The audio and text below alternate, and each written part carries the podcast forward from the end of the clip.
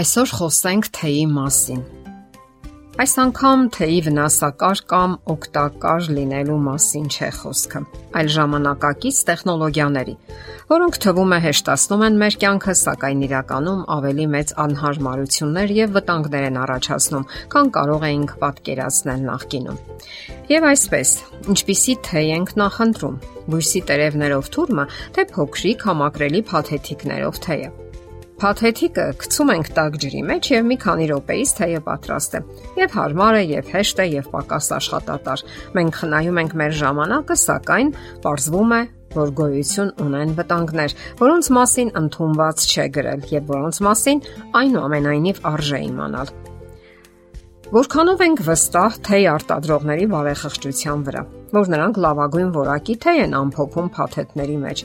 Լուրեր են շրջանառվում այն մասին, որ բազմաթիվ ընկերություններ փորձում են խაფել իրենց գնորդներին եւ լավ որակի թեյի փոխարեն այնտեղ են տեղադրում թեյի արտադրության մնացորդները, փոշին կամ այլ կերպ ասած թափոնները։ Օրինակ Չինաստանում եւ Հնդկաստանում այդ թափոնները կամ մնացուկները չեն օգտագործում։ Այն գնում են թեյի անբարեխիղճ արտադրողները։ Թեյի փոշու 10 կիլոգրամի գինը ընդամենը 10 դոլար է։ Ստացվում է, որ նման թեյի փաթեթավորման ինքնարժեքը շատ չնչին կոպեկներ է կազմում։ Թեյի որոշ փաթեթների մեջ երբեմն կարելի է հայտնաբերել ոչ միայն փոշի, այլև խոտ, մանր կտրտանք եւ այլ անպետքություններ։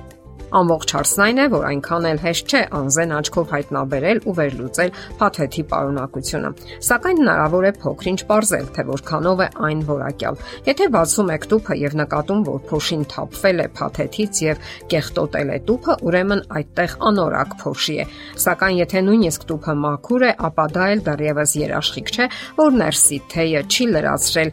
իր պիտանելիության ժամկետը։ Ստուգումները ցույց են տվել, որ նման թեյի մոտ 20%-ը չի համապատասխանում ընդունված չափանիշներին։ Ժամկետանց թեյը ոչ միայն կորցնում է իր բոլոր օգտակար հատկությունները, այլև պարունակում է այսպես կոչված աֆլատոքսիններ, միկրոսկոպիկ սնկերի կենսագործունեության արդյունքներ։ Դա առողջության համար խիստ վտանգավոր նյութ է, որի մեծ խտությունը ընդունակ է անվերադառնալի ախտահարումներ առաջացնել լյարդում։ Պիտանելիության ժամկետը 3 տարի է։ Թվում է, ամեն ինչ շատ հասարակ է։ Համեմատում ես տուփի վրա նշված ժամկետը ներկա պահի հետ եւ վերջ։ Սակայն տուփի վրա նշվում է ոչ թե պլանտացիաներից հավաքելու ժամկետը, այլ թե երբ է այն տեղադրվել տուփի մեջ։ Իսկ մինչ այդ այն կարող էր տասնյակ տարի ընկած մնալ որևէ մառանում։ Իսկ ինչպես ստուգել ի վերջո թեյի որակը։ Այստեղ հույս չէ նաև բարձր գինը, որպես թե այն որակի նշան է։ Նույն հաջողությամբ, եթե ոչ ավելի հաճախ կեղծում են նաև թանկ թեյերը։ Կարող եք ստուգել այսպես. Եթե թրմելուց հետո հեղուկի մակերեսին հայտնվել է ոչ մեծ փառ, փրփուր, ուրեմն թեյը թարմ է։ Իսկ եթե այդ փրփուրը չկա, ուրեմն հավաքել են ավելի քան 2 տարի առաջ։ Փչացած թեյը նաև իրենից հետո մուկ հետք է թողնում նստվածք, թեյնիկի կամ գավաթի պատերին։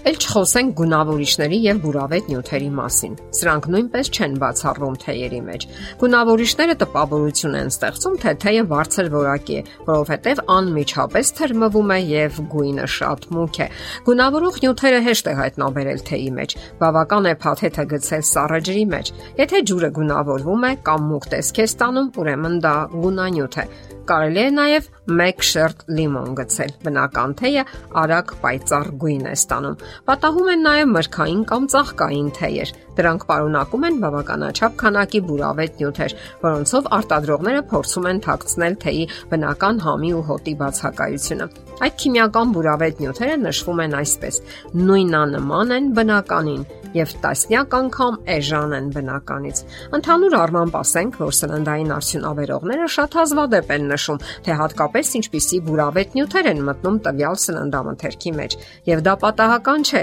քանի որ սինթետիկ բուրավետ նյութերը պարունակում են թունավոր նյութեր, որոնք ընդունակ են նպաստել քաղցկեղային բջիջների աճին։ Դրանք խախտում են լյարդի բնականon գործունեությունը եւ փոխում են նյութափոխանակությունը։ Ամբողջ հիմնախնդիրն այն է, որ այդ քիմիական նյութերը միանգամից չէ, որ դրսևորում են իրենց վնասակար հատկությունները, քանի որ ամեն տեսակի քիմիան սիրում է նախկուտակվել օրգանիզմում։ քայքայել օրգանիզմի պաշտպանական ուժերը եւ ապա հարվածել բոլոր օրգան համակարգերին։ Ահա եւ քեզ թեյի ծիսակատարության ողջ հմայքը։ Վաշինգտոնի համալսարանի բժշկական քոլեջի մի խումբ գիտնականներ հայտնաբերել են, որ փաթեթներով թեյի մեջ ֆտորի պարունակությունը մի քանի անգամ գերազանցում է նորման։ Գիտությանը վաղուց է հայտնի, որ թեյի տերևներն ունեն հողից ֆտորի միացությունները ներքաշելու եւ կուտակելու հատկություն, եւ որքան հին է տերևը, այնքան շատ է նա ֆտոր կուտակել։ Իսկ չափից ավելի ֆտորը ընդունակ է պնդացնելու ոսկրային հյուսվածքը եւ բարձրացնելու ոսկրի փխրունությունը։ Իսկ դա էլի չարթին կարող է առաջացնել կմախքի ֆլյուրոզ հիվանդություն որն ուղեկցվում է ոսկրային գոյացությունների առաջացմամբ, ողերի վնասումով, ոսկրահոդային հյուսվածքի ցավերով, էմալի գույնի փոխվելով եւ այլն։ Այժմ մի քանի խոսքել թեյի թղթի մասին։ Այն սովորաբար լինում է այսպես կոչված թղթից, իսկ երբեմն էլ նեյլոնից։ Այդ թուղթը հիմնականում պատրաստվում է ցելյուլոզայից եւ բամբակից։ Սովորական թուղթը ջերմությունից եւ խոնավությունից անմիջապես վերածվում է շիլայանման զանգվածի, դուք գիտեք։ Իսկ ահա նուրբ եւ կիսաթափանցիկ փաթեթիկի թուղթը ոչ, որովհետեւ դրանց մեծ մասը ներծծված է հատուկ սինթետիկ խեժերով, լուծված սպիրտի կամ ացետոնի մեջ։ Այդ թուղթը խիստ կայուն է մեխանիկական, ջերմային, կլիմայական ազդեցություններին։ Նրա համար վտանգավոր չեն ոչ խիստ տաք ջուրը, ոչ էլ գթալի ուժեղ հարվածները, ոչ էլ լիմոնի թթվայնությունը։ Դե ինչ անհամեմատ ավելի անվնաս է թեյի տերևներով թուրմա կերամիկական թեյնիկի մեջ։ Պետք չէ խնայել ժամանակը առողջության հաշվին։ Եթերում առողջ ապրելակերպ հաղորդաշարն է։ Հարցերի եւ առաջարկությունների համար զանգահարել 033 87 87 87 հեռախոսահամարով։